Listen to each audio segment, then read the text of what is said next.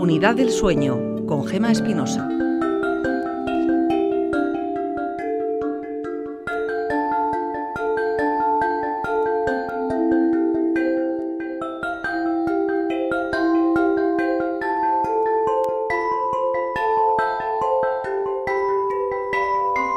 Nuestra habitación es eh, nuestro territorio íntimo, un lugar de descanso, un espacio decorado a nuestro gusto y cuando alguien invade nuestro territorio perturba nuestro sueño. Queremos dormir, por lo tanto no necesitamos a alguien enfocándonos con una luz, que sería en realidad lo que ocurre si tenemos una televisión en la habitación, ni tampoco a nadie que nos hable mientras dormimos, que es lo que ocurre si no bajamos la voz de ese televisor o de la radio. Queremos tranquilidad para dormir, por lo tanto, ¿qué hacemos con un color rojo o naranja?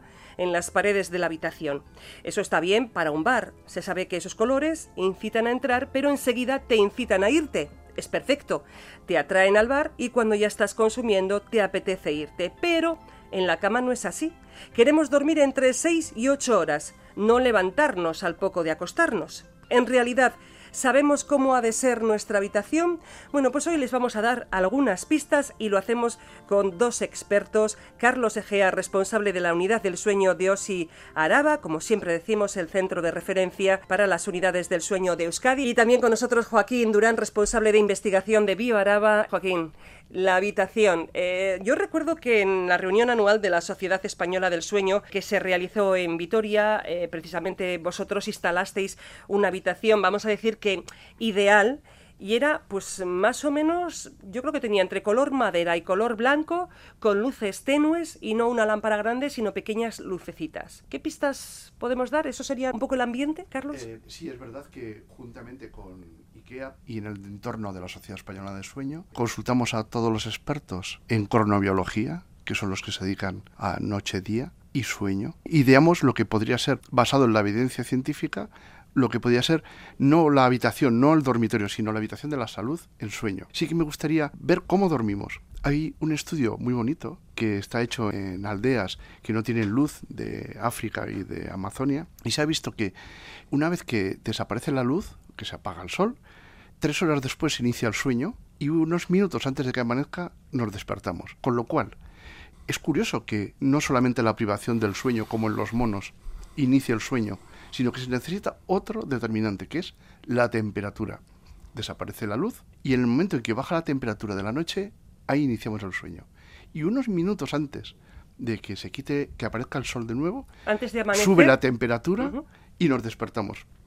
Con lo cual, en la habitación de la salud en sueño debe tener dos premisas, que es ausencia de luz y temperatura, para que así podamos idear cómo es la habitación saludable en sueño, con dos cosas, que es que no haya luz y que haya una temperatura estable. Está clarísimo, Joaquín, que en verano las noches con mucha temperatura por la noche. Bueno, aquí no son tantos, pero seguro que en Andalucía nos podrían decir la cantidad de noches que no se puede dormir si no es con aire acondicionado, porque si no baja esa temperatura, no dormimos. Sí, eh, habría que explicar también que para dormir disipamos calor. Es decir, nosotros para dormirnos tenemos que enfriarnos. Y la forma en que nos enfriamos es mandando el calor a la piel. Disipamos calor hacia la piel.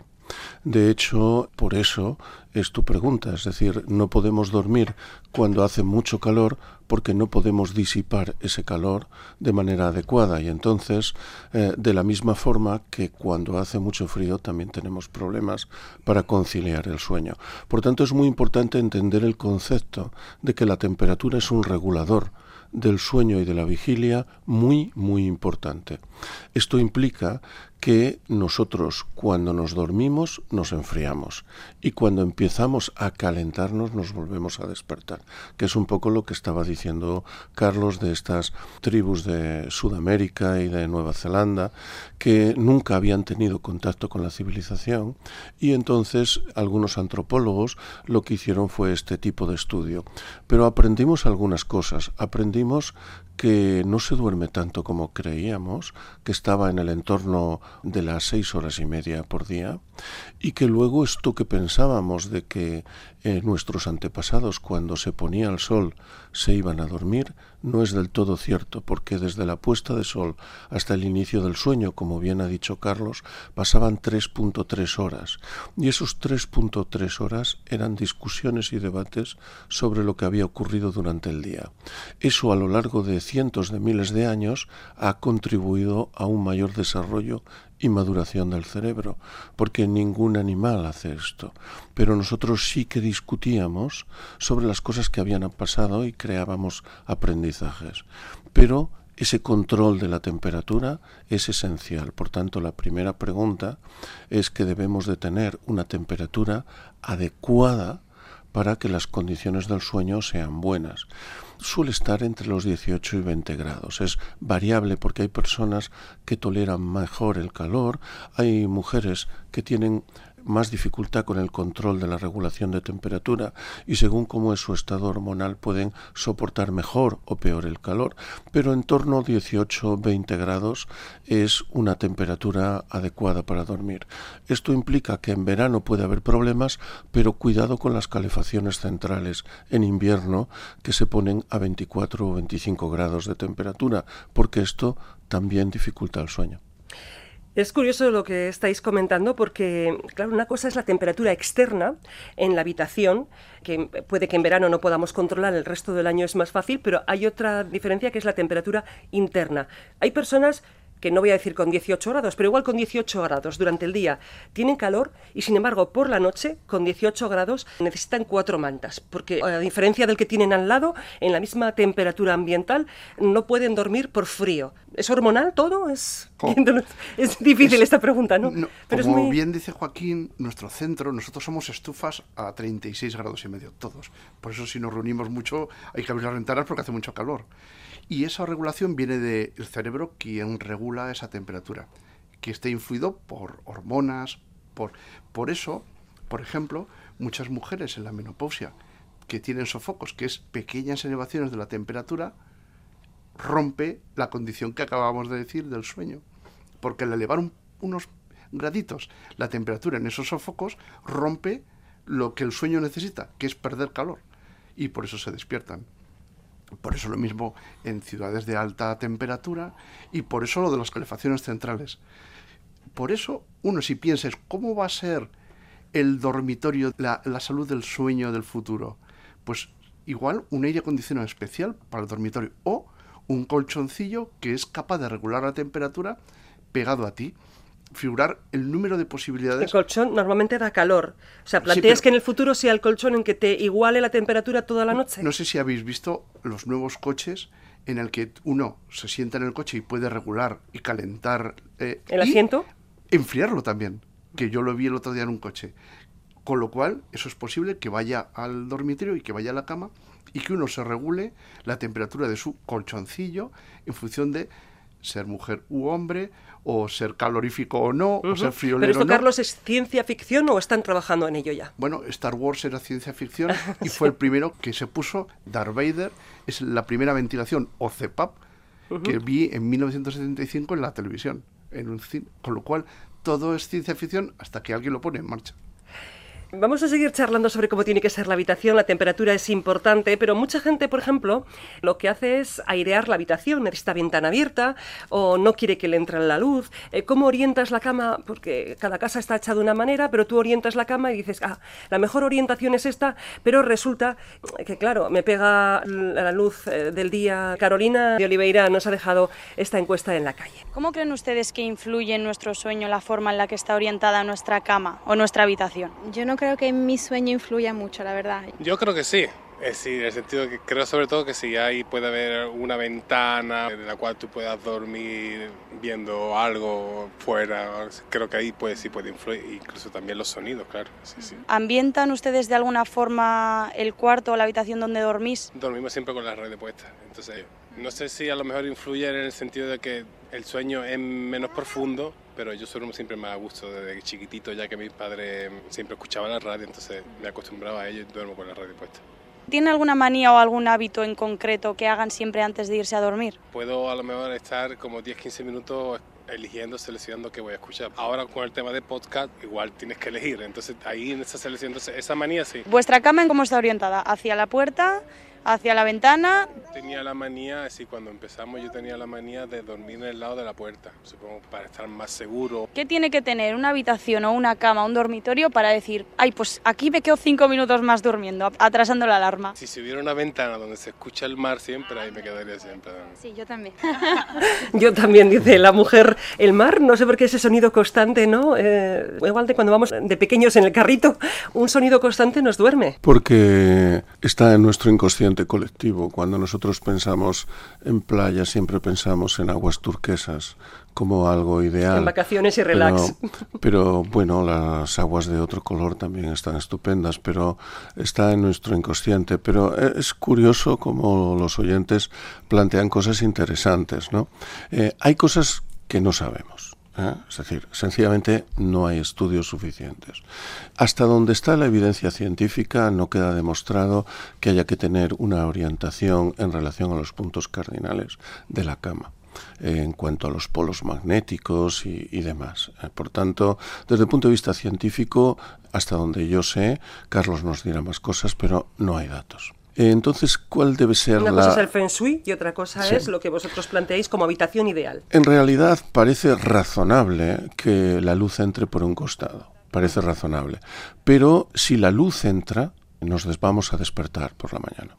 Y si abrimos la ventana y no es una zona aislada, estamos expuestos a ruidos. Y los ruidos nos despiertan, porque eso es una alarma para el cerebro.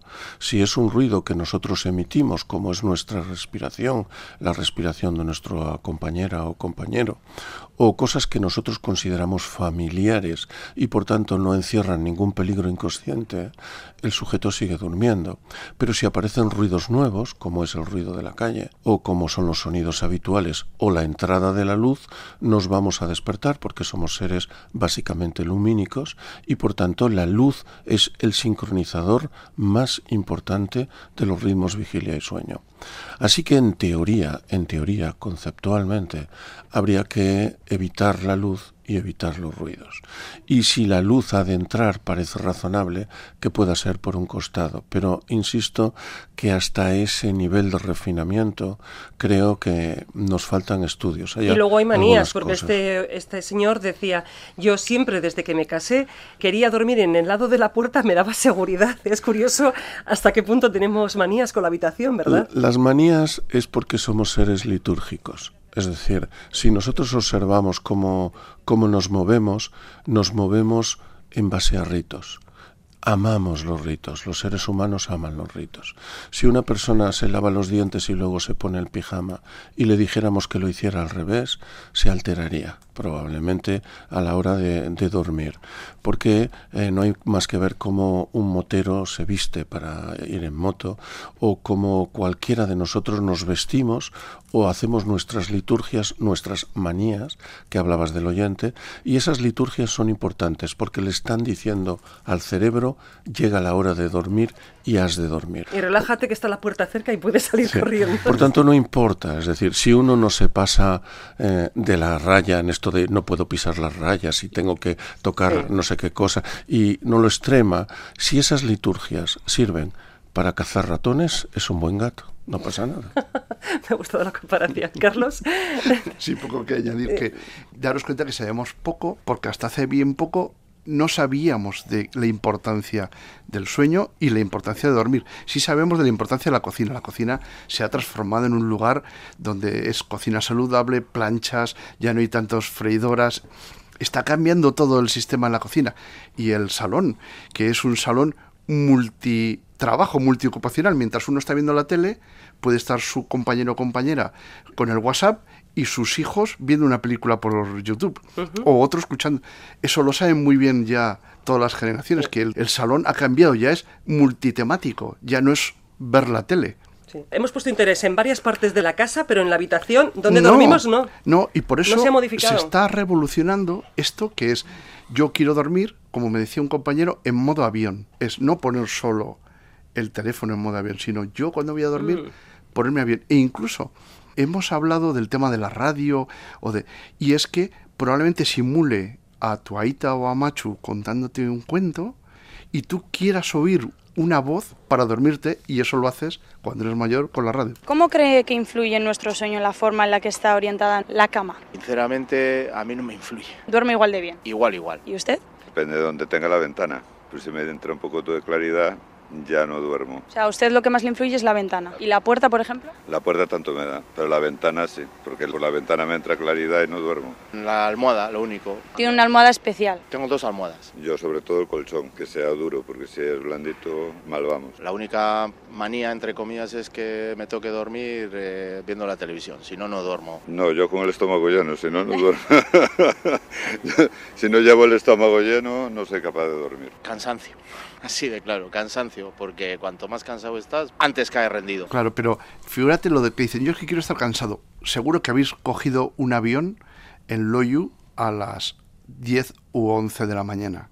Yo el otro día lo cogí y me levanté y conté el número de personas que a los 10 minutos moviéndose, que se movía, la gente estaba dormida. Y era el 50% del pasaje, a las 10 de la mañana o 11, que se habrían levantado a las 8. Significa que el cansancio muchos es insuficiencia de sueño, es el número de horas que duermo es tan escaso, por ejemplo, mañana que todo el mundo empieza a trabajar, van a tener un jet lag laboral, porque durante todo este tiempo han estado acostándose entre las 12 y la 1 y se han levantado a las 8, las 9 o las 10. Y mañana a las 5. Con lo cual les va a costar iniciar el sueño y todo el mundo se va a tener que levantar pronto y van a ir con una insuficiencia de sueño que con siestas o a lo largo de los días lo recuperará.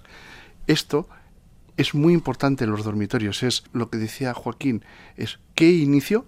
Pues yo ceno, es mi Zeitberg, mi marcador para iniciar el sueño. Yo me lavo los dientes, o sea, hago liturgias que me ha gustado mucho la palabra. En lugar de, Joaquín. En lugar de manías, liturgias, sí para iniciar el sueño, igual que un perro gira o se mueve hasta que encuentra sus sitios, es curioso. Y el dormitorio lo podemos modificar para que el sueño sea muy saludable, en modo avión, con la temperatura correcta, con materiales Entre que aíslen. 18 y 20 grados, recuérdenlo. Hablaba, una de estas personas hablaba del estómago lleno, no podía dormir con el estómago vacío, y muy importante, uno decía la almohada más que el colchón, que no sea blando. ¿El estómago lleno funciona? Porque otros dicen, yo con el estómago lleno no puedo dormir. Bueno, hay una realidad y es que no podemos dormir con hambre, con sed, con frío, con calor, con miedo, con ansiedad o con dolor. Por tanto, cuando esas variables desaparecen, eh, nuestra tendencia al sueño es real. Y aquí mismo, si bajáramos la temperatura y estuviéramos con esas variables arregladas, en diferentes umbrales de sueño, cada uno tenemos el nuestro, pero todos nos acabaríamos quedando dormidos. Conceptualmente y desde el punto de vista científico, con el estómago lleno es peor dormir, porque el proceso digestivo conlleva unas necesidades energéticas que pueden interferir en el sueño. Además, al estar tumbados, favorece lo que llamamos el reflujo gastroesofágico, que es que la propia presión abdominal hace que el contenido del estómago pueda irse por presión hacia eh, el contenido del esófago y a la garganta. Eso en sí mismo, aparte que puede favorecer la aparición de apneas, desde luego dificulta el sueño. Por tanto, y además aumenta nuestra temperatura cuando hacemos la digestión, ¿no? Por lo tanto iríamos en contra de lo que hemos comentado antes. Pero no en todas las partes del cuerpo, porque lo que hace el cuerpo en la digestión es atrae temperatura sobre todo hacia el aparato digestivo, en detrimento de otras zonas. De hecho, es frecuente oír que cuando se está haciendo la digestión se enfrían. Me quedo frío, sí, Por esa razón, porque atraemos temperatura hacia el proceso digestivo. Se ha hablado también de las posturas. Es muy importante que a lo largo del sueño nosotros vamos regulando la temperatura de forma que nos tapamos y destapamos según es nuestra necesidad. Y eso no debe preocuparnos. Por eso dormir con una pequeña cobertura en nuestro dormitorio es buena idea porque dejamos al cuerpo que el cuerpo decida cuándo tiene que subir y bajar la temperatura de nuestra piel. Lo hace perfectamente y si grabáramos a cualquiera de nuestros oyentes como duermen, veríamos que se tapan y destapan un montón de veces a lo largo de la noche. ¿eh? No es que estén medio locos, sino simplemente que están regulando la temperatura que necesitan en cada momento. Será ideal cuando los colchones se sincronicen con nuestro cerebro y nos vayan diciendo lo que necesitamos en cada momento. Pero bueno, ya hay colchones que cuando tú te mueves, a tu pareja no le afecta porque solamente se mueve tu zona. Empieza a haber colchones, y de esto Carlos sabe porque ha hablado con fabricantes, que se adaptan a la forma del hombre y a la forma de la mujer, porque no apoyan lo mismo. ¿No es verdad, Carlos? Sí, sí, es verdad. De hecho, siempre nosotros hemos pensado que cuando hemos visto un colchón es algo, una piedra, es algo estático. Y en la posibilidad de que sea dinámico, que en función del peso, pues mayor en las caderas o en los hombros, en función de eso, si estás embarazada o no, se puede ser dinámico y adaptarse a eso. Con lo cual, es que el mundo de los colchones está siendo, se han introducido ingenieros, biomédicos, se está introduciendo un montón de científicos y de profesionales que el colchón que antes era de lana, que yo me acuerdo de ese colchón, estático, piedra, y es que se hacía un hueco a lo largo de los años ahí y te quedabas en el hueco en cuanto te metías, va a cambiar para ser absolutamente dinámico, probablemente, pero esto es pensamiento nuestro, con alteración de la temperatura en función de las necesidades. Bueno, un día hablabais de una especie de sensor que te, sin darte cuenta te decía date la vuelta y te ibas dando la vuelta en la cama. Efectivamente, que, esto es una patente que ha hecho para el ronquido, la apnea del sueño postural. Es decir, que y va a cambiar cómo es la sala, es decir, qué luz, la luz hemos visto que yo me acuerdo que cuando fui a un partido del Atleti, la luz que se emitía desde los campos de fútbol era algo así como 50 soles. Con lo cual, si yo soy una persona de una tribu africana y que en cuanto se apaga la luz yo me voy a dormir, aquí era imposible porque primero la excitación... 50 soles, para empezar con un sol, ya llevamos gafas. Ya sí. Con que... Y con lo cual iba yo a la cama excitado porque había ganado el Atlético, había perdido, o el Alavés, o la Real. Y además con un fogonazo de luz que el cerebro dice, es que no es que es de día, es que estoy viviendo en el sol. Imposible de dormir. Por eso cambiará cómo es la temperatura de las luces para iniciar el sueño, la temperatura de las luces para despertarnos, quizás vamos a hacer una tontería, es en el futuro igual nos despertamos con sonidos de la jungla, monos y luz creciente eh, crepuscular. Puede ser, ¿por qué no? Esa Porque vamos que nos venden en las películas existe, ¿no? no sé si saldrá Tarzán o Jane, pero, pero es decir, que va a cambiar tanto ¿Cuáles son los materiales? Lo que ha dicho Joaquín, mucha gente duerme desnudo, otros con un montón de ropa, otros con calcetines, porque la temperatura para ellos es muy importante, porque el colchón es muerto ahora, no influye, ni las mantas igual. Más importante, por lo que estáis contando, la temperatura que el color, que dónde tengo la orientación, que lo imprescindible es la temperatura. ¿Le dais prioridad a la temperatura? El color importa, pero cuando apagas la luz ya no lo ves. Entonces, lo que tiene es un efecto psicológico que si es un color muy llamativo o muy escandaloso, eh, digamos que no favorece el ambiente, pero una vez que apagas la luz, lo que más va a contar va a ser luz y temperatura y ruido. Son los tres elementos. Por tanto, eh, cada, cada persona debe buscar aquello que le va mejor. Nosotros recomendamos cambiar el colchón cada 10 años aproximadamente, porque desde el punto de vista de la salud parece razonable. Por otra parte, cada vez va apareciendo colchones que son mejores. Las almohadas cada sujeto debe evaluarlas, pero pensamos que las almohadas no deben de ser excesivamente blandas ni voluminosas para evitar problemas problemas a nivel cervical. Y algo que creo que hay que nombrar es qué hacemos con la radio, con la televisión y la lectura. Bueno, yo cada vez soy más heterodoxo con algunas cosas y no estoy en contra de ninguno de los tres esencialmente. Si uno es mejor que no oiga nada, ni radio ni televisión, y que tenga la habitación como el lugar para dormir y practicar sexo, entonces es lo perfecto. Pero la realidad es que se estima que el 70% de los hogares tienen una televisión en la habitación y es muy difícil luchar contra esto. Por tanto, lo que hay que hacer es medios de compensación, como es que todos tengan desconexión automática y que bajen el filtro de la luz. Y si es una radio, también que haya desconexión automática. Si uno se queda dormido con la radio o la televisión puesta, ese cambio de intensidad de sonidos va a crear alteraciones en la calidad y la cantidad del sueño, aunque el sujeto crea que no se despierta. Por tanto, siempre, siempre con sistemas de desconexión automática. Si tardo en dormirme 20 minutos, que se desconecte a los 20. Si son 30, a los 30. ¿eh? Y si uno quiere leer, puede leer, pero no debería engancharse a un bestseller de esos que no puede dejar, porque eso le va a activar su cerebro.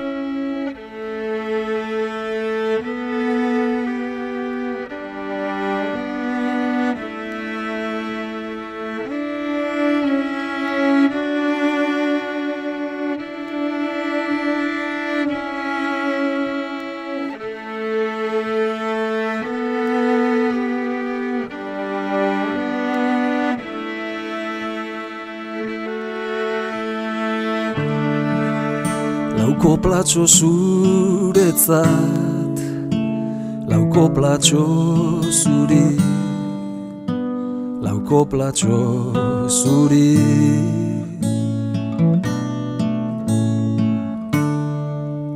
Godaletari emo Dautzo dasmo zuri Teresa Yusta, tenemos un montón de preguntas sobre nuestra habitación, cómo debe ser la habitación ideal. Cuéntanos. Eh, hay una cuestión también muy interesante. Nuestros invitados han hablado de la menopausia, pero eh, sería también conveniente hablar de la andropausia, y así lo dice un oyente. No solamente hay alteraciones de temperatura en las mujeres, también en los hombres, y eso se olvida. Totalmente cierto. Además, la próstata, la hipertrofia de próstata, es como un semáforo que hace que muchas de las personas tengan eneuresis, que se levanten muchas veces a orinar, aunque ya los urólogos saben que algunas de las personas que se levantan muchas veces a orinar no es solamente porque la próstata se ha agrandado, sino porque igual tienen apnea del sueño.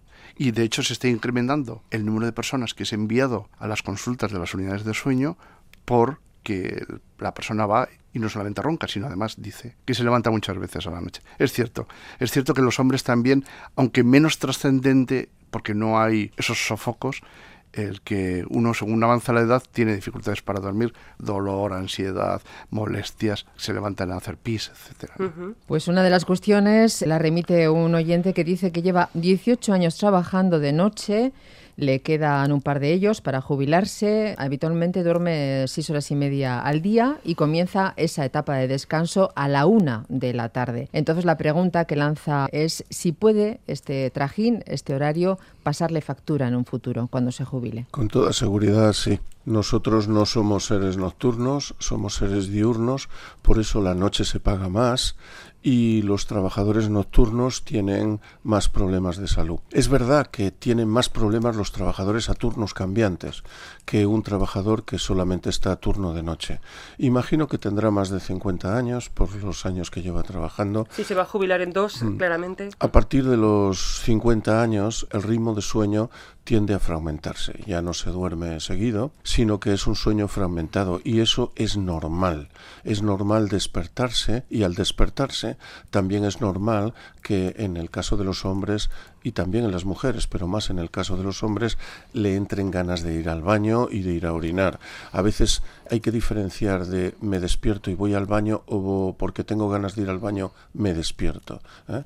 Pero normalmente suele ser lo primero. Esta persona probablemente, si se acuesta a la una, me ha Sí, parecido sí, entender. sí, se acuesta a la una de la tarde. sí. Pues si se acuesta a la una de la tarde es muy mala idea. No entiendo por qué, si trabaja de noche, se acuesta a la una, porque le ha estado dando luz durante mucho tiempo que ha estado activando su cerebro y que luego le va a costar dormir, aunque la verdad es que duerme seis horas y media, que es suficiente para alguien que está trabajando de noche. El primer programa de este espacio lo dedicamos precisamente a la gente que trabajaba a turnos y tu recomendación, Joaquín, era, según sales del trabajo, ponerse incluso las gafas de sol, aun siendo invierno, porque precisamente lo que no necesitas es que te dé luz. Hay que dar el mensaje de que cuando tú regresas de trabajar de noche, lo que haces es cenar en casa, no desayunar, y además debes de llegar a casa y ponerte a dormir lo antes posible. Lleva 18 trabajando de noche, entiendo que va a estar 20 trabajando de noche. Eh, cuando se jubile y quiera dormir por la noche y vivir durante el día, como el resto de su familia o amigos, eh, ¿qué, qué proceso de adaptación puede llevar una persona Claro. después de 20 años? Como bien dice Joaquín, él ha domesticado su sueño para, no siendo búho, trabajar como un búho. Ahora, en los años venideros tendrá que, le va a costar, porque 20 años, y daros cuenta que el sueño se puede domesticar, uno puede moldearlo, sobre todo porque la mayor parte de los oyentes y de nosotros somos colibrís. Los hay búhos que les gusta la noche, los hay alondras que les gusta despertarse pronto y colibrí puede adaptarse a uno a otro. Le costará tiempo, lo conseguirá adaptar o igual se le queda con un insomnio residual de inicio que le costará iniciar el sueño. Algún trastorno se le podría quedar. Todo se puede modificar, ¿eh? porque se puede modificar no la personalidad, sí la conducta. Pero, y lo que más es las consecuencias, no para este señor probablemente, sino para los trabajadores saturnos en términos de salud. No estamos preparados para ello. Por eso hay que, como hay que hacerlo, la sociedad nos lo pide, vamos a minimizar con gafas, introduciéndonos a la cama lo antes posible, vamos a minimizar el impacto sobre la salud de este hecho que es algo innegable, que es que trabajamos a turnos. Y la explicación también vale para muchos que igual alargan la mañana porque tienen hijos pequeños y otro tipo de, de, actividades y luego pues casi casi se acuestan a la hora de comer si es que han trabajado de noche, que hay muchas personas. Hay una que nos dice que ha pintado el techo de su habitación de azul con estrellas pintadas con tonos fluorescentes, de tal forma que cuando apaga la luz, pues esas estrellitas del techo se encienden y esta persona dice que duerme muy bien. Las paredes están en azul un poco más claro. Bueno, es una de las opiniones que nos llega. Mis dos hijos, yo soy María, tenían sus techos con lo mismo que ella, porque me acuerdo que el primer congreso que estuve en Estados Unidos, las vi, las compré y se las puse. Y encantados. Es muy precioso bien. levantarte y ver eso, como la luz es cero solamente reflectante. Es luz fluorescente. De todas formas, si a ella le funciona, yo lo veo correcto y tampoco creo que eso emita luz propia de una forma intensa. Si a ella le gusta, le relaja y está bien, adelante. Otro oyente dice, soy ciego y en invierno para las 9 de la noche ya no puedo aguantar más el sueño y me acuesto. Sin embargo, en verano no me ocurre lo mismo. Ay, qué curioso. Es que hay dos perfiles de ciegos, aquellos con ceguera total y que además hay unos ganglios en los ojos que son capaces de ver y otros que nada. Depende de la ceguera que tenga, en la que puede ser ciego de ausencia de visión, pero sí que puede ver luz, algo de luz. En función de eso, marcaría si esa persona tiene un poco de cronobiología, es luz, noche, luz, noche, o día, noche, día, noche, o nada de nada, y entonces quizás, eso lo saben muy bien todos los de 11, habría que marcarle con un marcador, o bien de cena, o bien con fármacos cuál es el inicio del sueño. Bueno, pero su cuerpo se lo pide porque dice, hay un momento del año a las 9 y luego ya en otro momento del año más tarde, ¿no? Ahí hay dos cosas que es interesante reseñar y es que nosotros a lo largo del día vamos produciendo una sustancia catabólica que es la adenosina. La adenosina nos va a aumentar como un producto del catabolismo corporal y nos va a dar cansancio, ese cansancio que nos va a hacer ir a la cama. Por otra parte, la melatonina empieza a producirse en el entorno de las 7, 8, 9 de la noche y la melatonina nos va a dar sueño. Si eso está bien encadenado, nos va a hacer ir a la cama y dormir, si las condiciones eh, de las que he hablado antes están presentes. Un ciego, la producción de melatonina la va a tener alterada porque no va a estar mediada por la luz como ocurre en la mayoría de las personas, con lo cual hay veces que en pacientes ciegos la melatonina artificial dada como fármaco podría ayudarles en algunos de los pacientes. Pero ambas variables, la adenosina y la melatonina, tienen que ir juntas en cuanto a la producción. De hecho, hay personas que tienen retrasada la producción de melatonina y el sueño les entra más tarde, y otros lo tienen adelantado y entonces les entra más pronto. A veces regulando la temperatura, una medición de la temperatura es como una imagen especular de la producción de melatonina y nosotros a veces utilizamos esto en nuestras consultas. Nos dice, por ejemplo, un oyente, el cambiar de colchón influye en el sueño.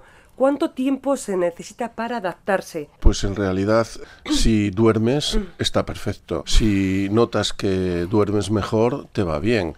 Y si notas que duermes peor, pues no. Te va no, mal. Realmente. Pero sí es cierto que cuando, eh, por ejemplo, el colchón se ha quedado ya muy blando, lo cambias, compras uno que igual es normal, pero claro, tu cuerpo se ha adaptado a una textura y a unas características que dices, sí. hay algo que no "Ah, pero igual es que el contraste, si aguanto unos días, Ya entendí la pregunta. ¿Cuánto tiempo tarda uno en adaptarse a una nueva situación? Eso es. En realidad, no mucho. Por ejemplo, a los cambios horarios, el proceso de adaptación suele ser unos 48-72 horas, máximo una semana. Si uno cambia de colchón y digamos que pasan 15 días y aquello no funciona, ese no es su colchón. De hecho, creo recordar que hay ya empresas que te lo dan con cierta garantía, es decir, que tú puedes incluso probarlo. ¿Eso es así, Sí, Carlos? sí, pero me quiero referir a todas las personas que en un momento determinado nos hemos ido de vacaciones a un hotel, o gente que viajamos o que vamos a sitios y un día estamos aquí, otro de allí.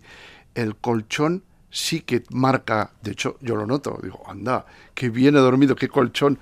En otros duermo peor, pero no he tenido, en general, salvo lo que dice Joaquín, no hay grandes periodos de adaptación, a diferencia de los cambios horarios o de los cambios de trabajo o del jet lag de fin de semana. como por motivos de trabajo cambias mucho de colchón, porque cambias, tienes que viajar mucho a muchos congresos, tu cuerpo está adaptado a todo tipo de colchones. podría ser. Pero el que vive toda la vida con el mismo colchón le cuesta más, seguro. Teresa, tenemos unos minutitos, vamos a aprovechar para más preguntas. Sí, hay una oyente que dice que ella se queda dormida en el salón siempre con la televisión encendida y que sin embargo cuando se medio despierta y, y va al dormitorio no consigue conciliar el sueño. Entonces está pensando en comprarse una televisión para el dormitorio que tenga apagado automático. ¿Es buena idea esto? Bueno, es mejor idea que, que no hacer nada, porque lo que debe hacer es no dormirse en el salón, porque quedarse dormida en el salón no es una buena idea por lo que he explicado antes. Nosotros en un sillón no dormimos con calidad, no hacemos sueño profundo y por tanto no reparamos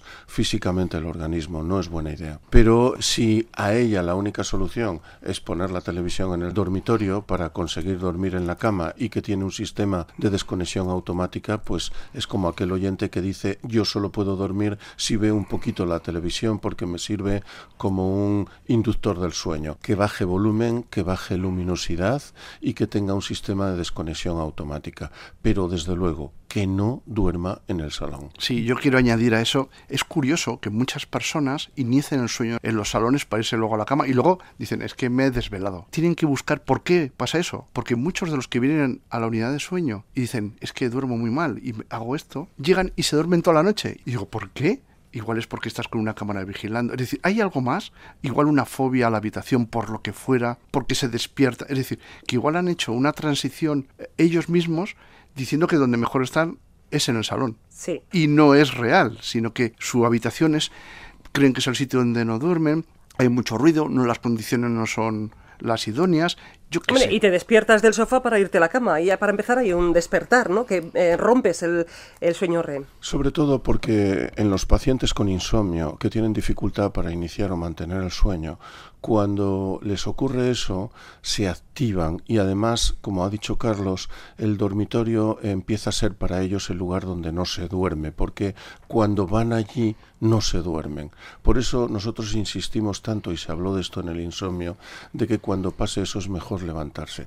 Me gustaría decir algo ah, que es políticamente incorrecto, y es hay que dormir con la persona que uno quiere dormir, no con quien uno no quiere dormir. No se puede pretender tener un sueño reparador y tener un sueño agradable si uno no está durmiendo con la persona que quiere. Y como desgraciadamente hay muchas personas que duermen con quien no quieren dormir, no me extraña que muchas veces haya algunos problemas, pero nosotros en la consulta, cuando nos damos cuenta de este tipo de cosas, intentamos que alguien que venga con un problema no se vaya con dos. Así que tratamos de no ser muy intensos, pero ahora de manera genérica, por favor, duerman ustedes con quien quieren dormir. Y en la habitación que quieren dormir, porque claro, tiene que ser una habitación, eh, como decía Carlos, a gusto, con quién y dónde tiene que ser eh, un lugar agradable y que si están en el sofá, también un poco de disciplina corporal está bien, ¿no? Si tú sabes que te vas a quedar dormido y que te vas a despertar para ir a la cama, igual antes de que llegue ese momento, eh, ya, pon la, medida y las liturgias. Yo tenía un Ay. paciente que se iba al garaje, al coche, a dormirse, porque es el sitio donde mejor se dormía, porque tenía Santo tantas cielo. apneas que cuando se tumbaba se ahogaba. Y entonces decidió que el coche y el garaje era el mejor sitio para dormir. Santo cielo, Carlos Ejea, Joaquín Durán, gracias a los dos. Gracias a vosotros. Gracias.